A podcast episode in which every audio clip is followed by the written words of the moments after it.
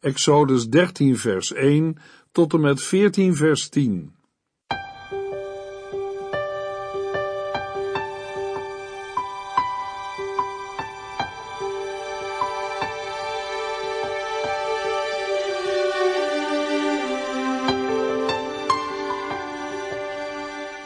Hartelijk welkom bij De Bijbel Door, een programma van Transworld Radio. De Bijbel Door is een radioserie die u in vijf jaar meeneemt door de hele Bijbel. Van Genesis 1 tot Openbaring 22.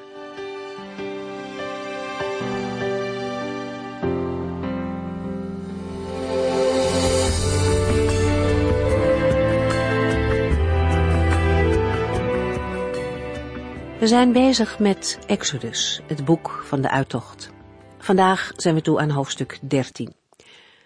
De rollen zijn omgedraaid. Heel lang werd Israël onderdrukt door Egypte, maar God heeft het voor zijn volk opgenomen. Hij staat aan hun kant en hij bevrijdt hen op een manier die ze zelf nooit bedacht zouden hebben. Menselijkerwijs leek alles hopeloos. Zelfs toen de Heer de wonderen deed en de plagen zond, gaf Egypte niet toe. Maar om het met de woorden van de apostel Paulus te zeggen, als God voor ons is, wie zal dan tegen ons zijn? De Heere God hield van het kleine volk daar in Egypte. Hij heeft hen uitgekozen om zijn volk te zijn. Hij wilde ook bij hen wonen. En omdat God aan de kant van de Israëlieten stond, was de overwinning en de bevrijding zeker. Farao wilde niet meewerken. Tot op het allerlaatste verzet hij zich tegen de Allerhoogste. Maar dan moet de man die zichzelf als God laat aanbidden, toch erkennen dat alleen de Heere God is en dat hij het voor het zeggen heeft op aarde.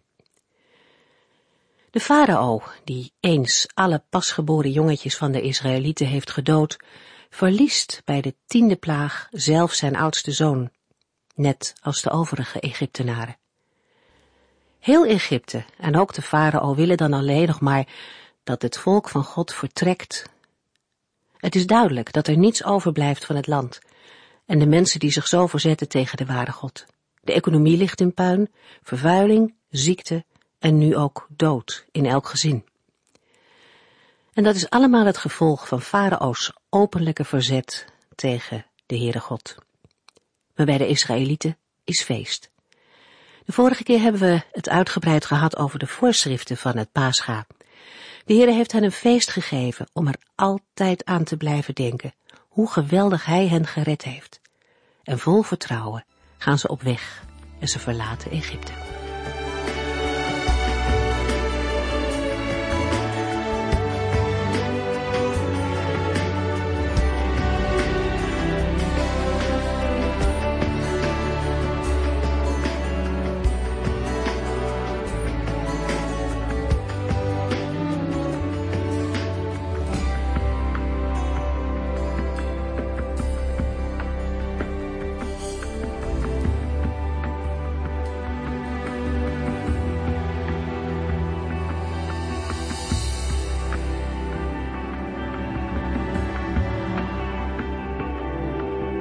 In de vorige uitzending hebben we gelezen en gezien dat het volk Israël door de Heer is bevrijd uit Egypte.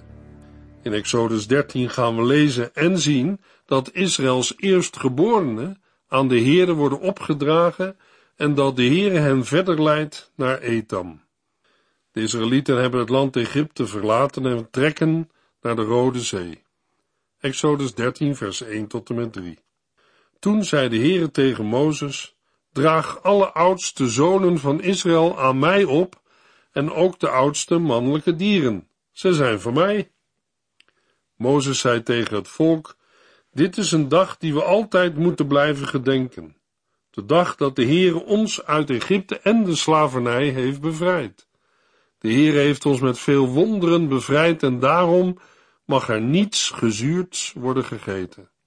Na het krachtige werk van de Heere in de tien plagen verlaten de Israëlieten het land Egypte.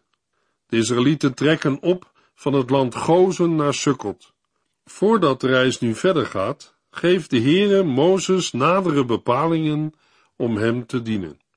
Terwijl de Israëlieten rusten in Sukkot, geeft de Heere aan Mozes het bevel om de eerstgeborenen aan hem te wijden. De achtergrond van dit gebod ligt in de gebeurtenissen van het vorige hoofdstuk, Exodus 12. De Egyptenaren hebben de eerstgeborenen van mensen en vee verloren, Exodus 12 vers 29. Maar de oudste zonen van de Israëlieten zijn door de Heere gespaard. Wij weten nog waarom. Zij hadden hun deurposten gekleurd met het bloed van het paaslam. Deze wijding van de eerstgeborenen dient ter vervanging van de eerstgeborene die God in Egypte tot zich had kunnen nemen. De voorstelling dat een vervangend offer nodig is, wordt op vele plaatsen in het Oude Testament aangetroffen. Het is uitgesloten dat de eerstgeborenen van de Israëlieten ook als offer zijn bedoeld. Het mensenoffer is nooit iets geweest dat in het hart van de Heere God is opgekomen. Jeremia 7 vers 31 In nummer 3 wordt duidelijk dat de Levieten dienst doen in plaats van de eerstgeborenen uit het volk Israël.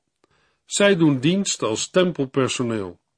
De Heere vraagt om de eerstgeborenen van zowel de mensen als de dieren.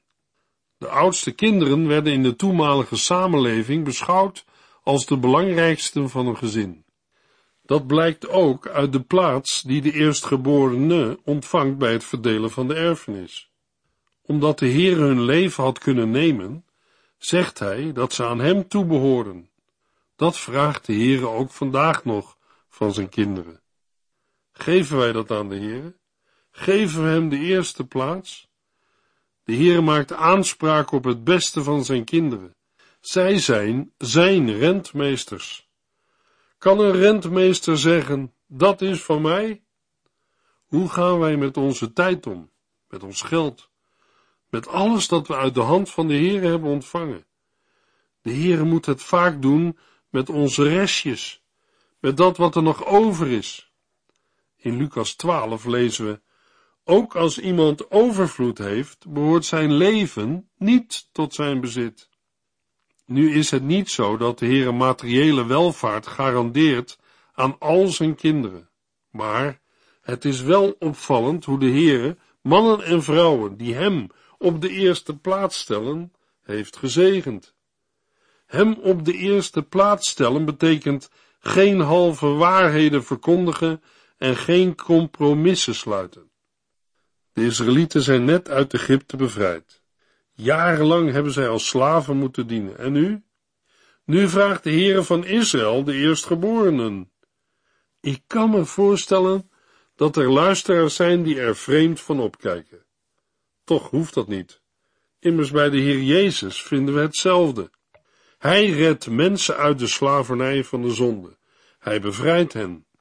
In Johannes 8, vers 36 zegt de Heere, als u door de Zoon van God wordt bevrijd, zult u werkelijk vrij zijn. De Heere vraagt zelfs of wij onszelf aan Hem geven. We zijn niet van onszelf, maar van Hem. Een gelovige is in de dienst van God gekomen. Wij willen doen wat Hij zegt. En als we dat mogen doen, zal de Heer ook zijn zegen geven. Op grond van Exodus 13 vers 2 zou je als lezer kunnen verwachten dat Mozes zijn toespraak begint met het gebod om de eerstelingen te wijden. Maar Mozes spreekt eerst over het gebod om het feest van de ongezuurde broden te vieren. Exodus 13, vers 3 tot en met 10. Pas daarna gaat hij in op de opdracht de eerstgeborenen te wijden. Exodus 13, vers 11 tot en met 16. Mozes geeft aan het volk door wat eerder aan Aaron en hem is doorgegeven. Exodus 12 en de eerste verse van Exodus 13. Exodus 13 vers 5. Het is de dag van de uittocht uit Egypte, waarop de Heer ons naar het land van de Canaanieten, Hethieten, Amorieten, Giwieten en Jebusieten zal brengen. Dat is het land dat Hij heeft beloofd aan onze voorouders. Een land dat overvloeit van melk en honing. Met andere woorden, de Israëlieten moesten het Pascha en het feest van de ongezuurde broden vieren. Exodus 13, vers 6 en 7. Zeven dagen lang moet er ongezuurd brood worden gegeten en mag er geen gezuurd deeg in uw huis of zelfs in het land zijn. Op de zevende dag zal een groot feest voor de Heere worden gevierd. Toen de Israëlieten Egypte verlieten, namen ze op hun reis hun baktroggen mee en het deeg dat erin zat. Het was ongezuurd deeg en God zegt, er mag geen gezuurd deeg in uw huis of zelfs in het land zijn. Ongezuurd brood zal zeven dagen lang gegeten worden. Exodus 13, vers 8 tot en met 12. Die dag moet iedere vader aan zijn zoon uitleggen. Dit feest vier ik als een herinnering aan wat de Heere heeft gedaan bij mijn uittocht uit Egypte. Deze jaarlijkse feestweek zal u kenmerken als het unieke volk van de Heere. Alsof er een merkteken op uw handen en voorhoofden was, als teken dat u aan de Heere toebehoort. Het vieren van het feest is te vergelijken met het aanbrengen van een merkteken op de hand en op het voorhoofd. Het latere Jodendom heeft de vermelding van de herkenningstekenen niet uitsluitend als een beeld opgevat. Men is daadwerkelijk tekenen op het voorhoofd en op de hand gaan binden. Doordat deze herkenningstekenen voortdurend zichtbaar zijn, vergeet je ze niet. Op dezelfde wijze functioneert het feest van de ongezuurde broden. Door trouw het feest te vieren, vergeet Israël niet om de grote daden van God te gedenken. Het doel van de regelmatige viering van het feest van de ongezuurde broden is dat de wet van de Heer in de mond van de Israëlieten zal zijn. Dit betekent hier niet het geheel van de latere voorschriften. Het begrip wet kent verschillende vertalingen, zoals aanwijzing en onderwijzing. Hier verwijst de uitdrukking laat de voorschriften van de Heere dan duidelijk weer klinken naar de geschiedenis van de uittocht uit Egypte. Die geschiedenis roept op tot dankbaarheid en verplichtingen. Het feest moet jaarlijks op een vaste tijd in de maand Abib gevierd worden. Exodus 13 vers 13 Een eerstgeboren ezelsveulen kunt u terugkrijgen van de Heere, in ruil voor een lam. Maar als u besluit niet te ruilen, moet u het ezelsveulen doden. Uw oudste zoon moet u echter terugkopen van de Heere. De eerstgeborene van al het vee van de Israëlieten is bezit van de Heere. Uit Exodus 23 vers 5 blijkt dat het bezit van een ezel functioneert als de basis voor de economische zekerheid. Teksten uit Mari geven aan dat ezels worden gebruikt in de Amoritische offerdienst. Misschien ligt daar een reden waarom men in Israël de ezel juist niet als offer accepteert. Een eerstgeborene onder de mensen moet altijd worden gelost. Een lossing van vijf sikkels moet worden gegeven op het moment dat de eerstgeborene één maand oud is. Nummer 18 vers 16. De lossing van mensen verwijst naar de tiende plaag uit Egypte. In die nacht kon God ook de eerstgeborenen van Israël nemen. Een lossing is nodig geweest om de eerstgeborenen te sparen. De instelling in zaken de lossing wijst heen naar het werk van de Heer Jezus Christus. Hij treedt op als losser van een verloren wereld.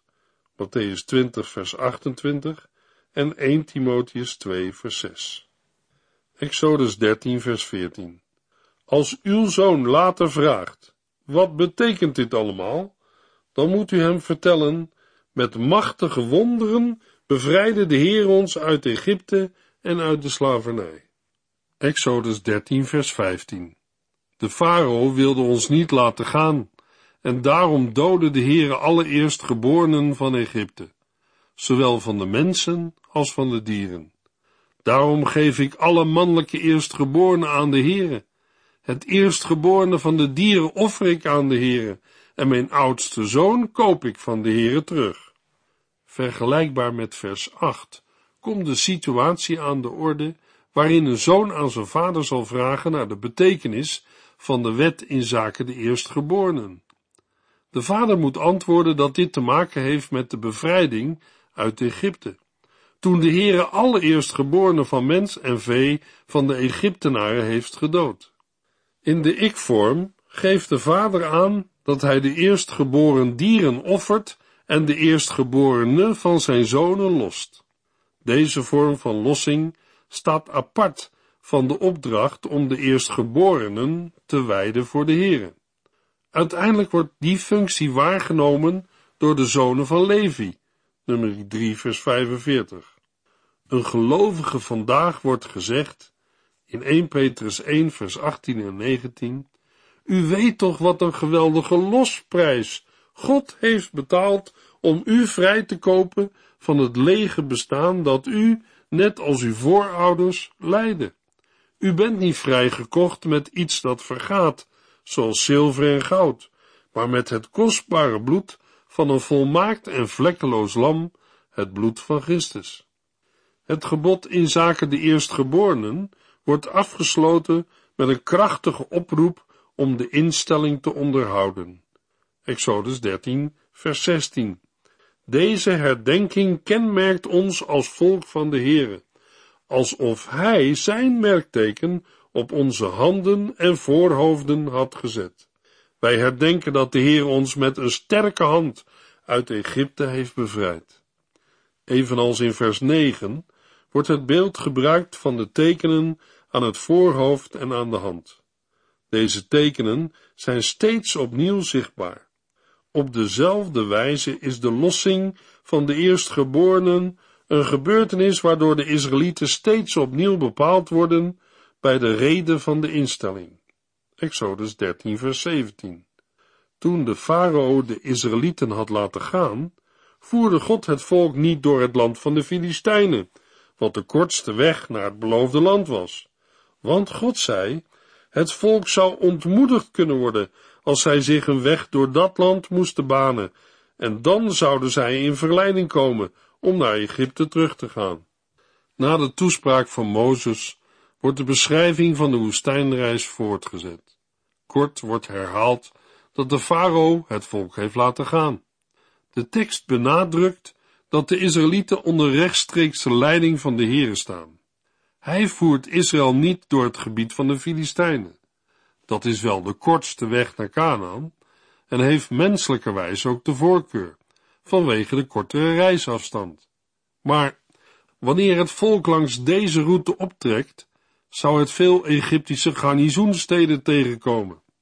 De Egyptenaren hadden deze route al tijdenlang zwaar beveiligd met versterkte steden, om de handelsroute naar de vruchtbare halve maan veilig te stellen.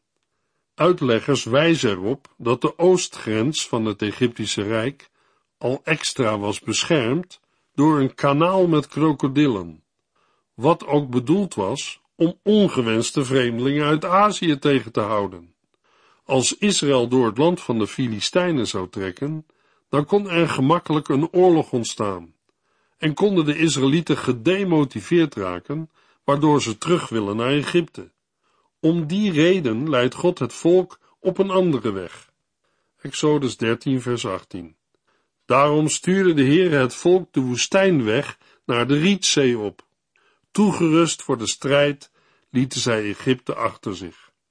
De Israëlieten trekken op uit Sukkot en gaan in de richting van de woestijn, ten einde bij de Rietzee aan te komen. Het Hebreeuwse woord voor Rietzee duidt op een meer dat begroeid is met planten. Voor zo'n locatie bestaan twee mogelijkheden: een zoet watermeer of de Rode Zee. Exodus 13, vers 19. Mozes nam ook het gebeente van Jozef mee, omdat die de zonen van Jacob plechtig had laten zweren dat zij zijn gebeente zouden meenemen wanneer God hen uit Egypte zou bevrijden. Want hij was er zeker van dat dit eens zou gebeuren. De reis van Egypte naar de woestijn verloopt op een ordelijke wijze. Bij het optrekken geeft Mozes opdracht om het gemummificeerde lichaam van Jozef mee te nemen.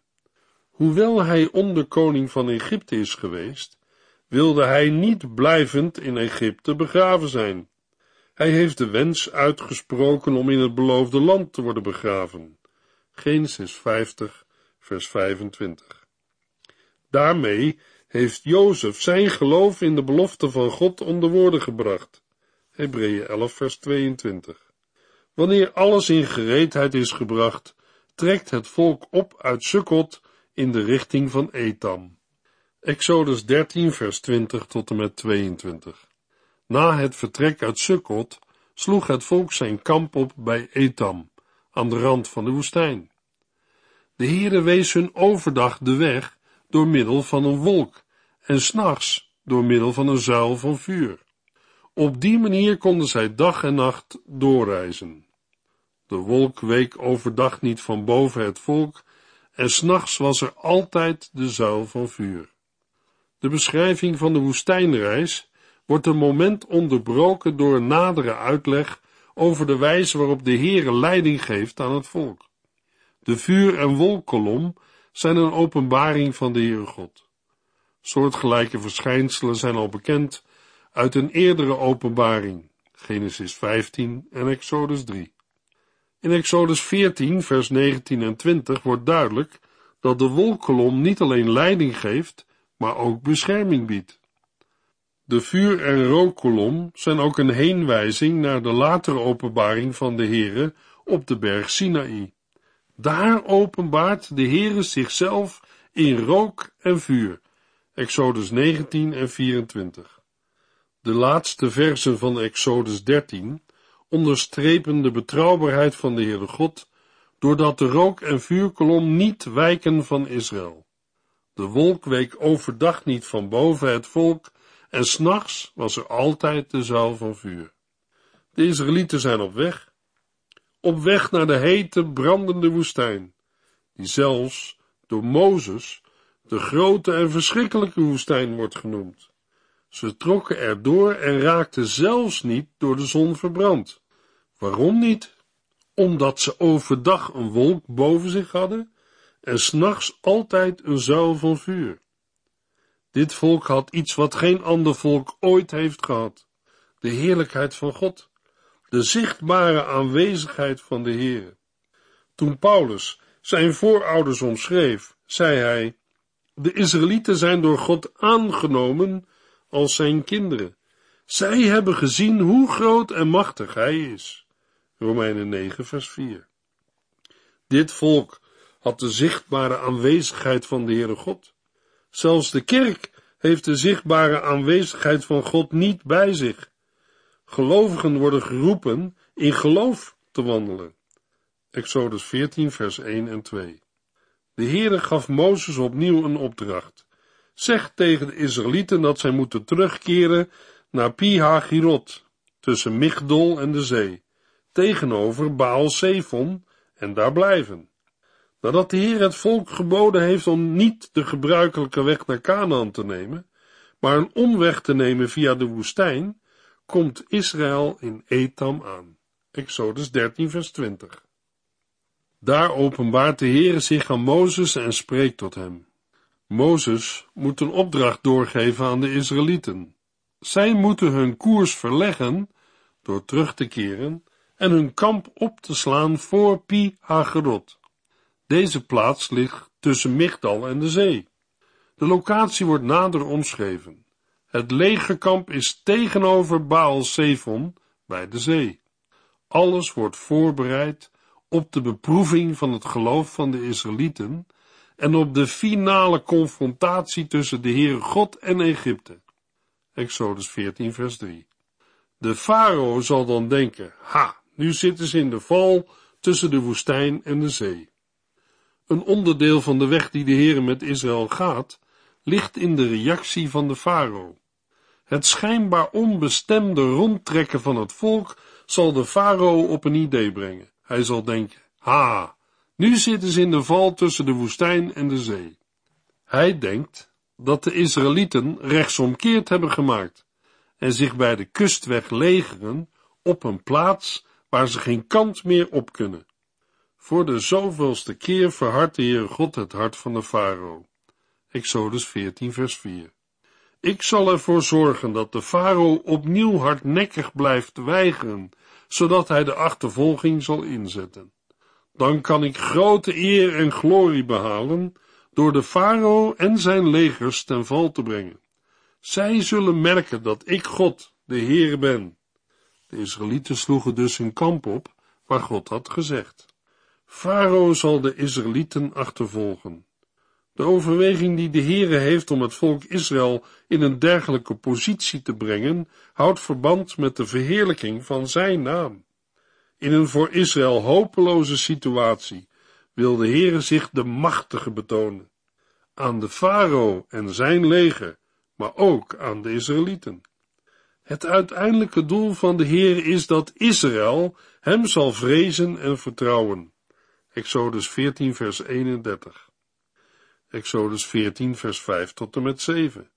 Toen de farao hoorde dat de Israëlieten waren gevlucht en helemaal niet van plan waren na drie dagen te stoppen, draaide hij en zijn dienaren om als een blad aan de boom en zeiden, wat hebben wij gedaan? Wij hadden die slaven nooit moeten laten gaan.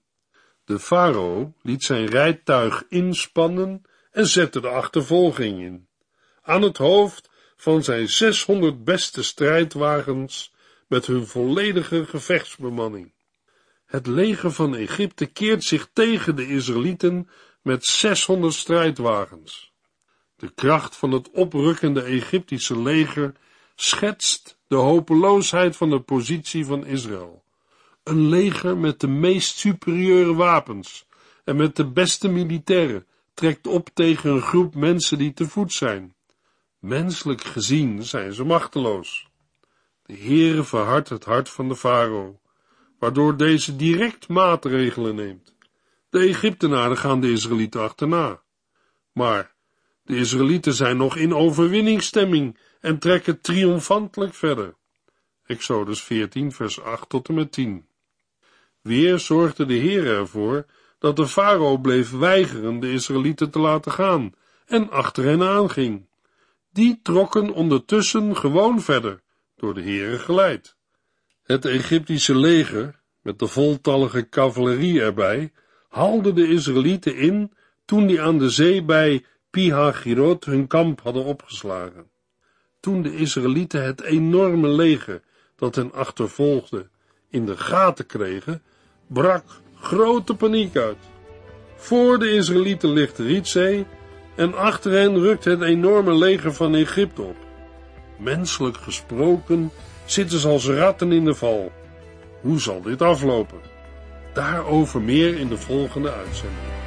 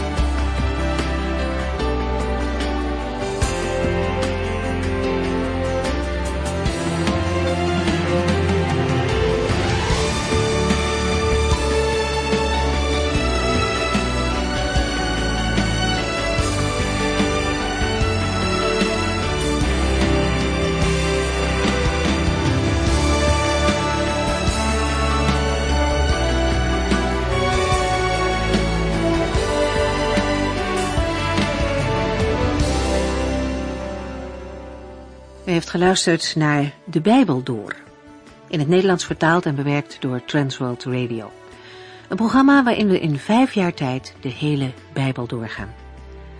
Als u wilt reageren op deze uitzending of u heeft vragen, dan kunt u contact met ons opnemen. Tijdens kantooruren kunt u bellen op 0342 47 8432. 0342 47 8432. 32. Ook kunt u een e-mail sturen naar de Bijbel transworldradio.nl en natuurlijk kunt u ook via de post ons bereiken. TWR, postbus 371, postcode 3770, AJ in Barneveld. Dit programma werd gepresenteerd door Cor Weda en Ike André. Techniek was in handen van Odin van Woerdekom. En wij allemaal bedanken u voor het luisteren. Graag tot de volgende keer.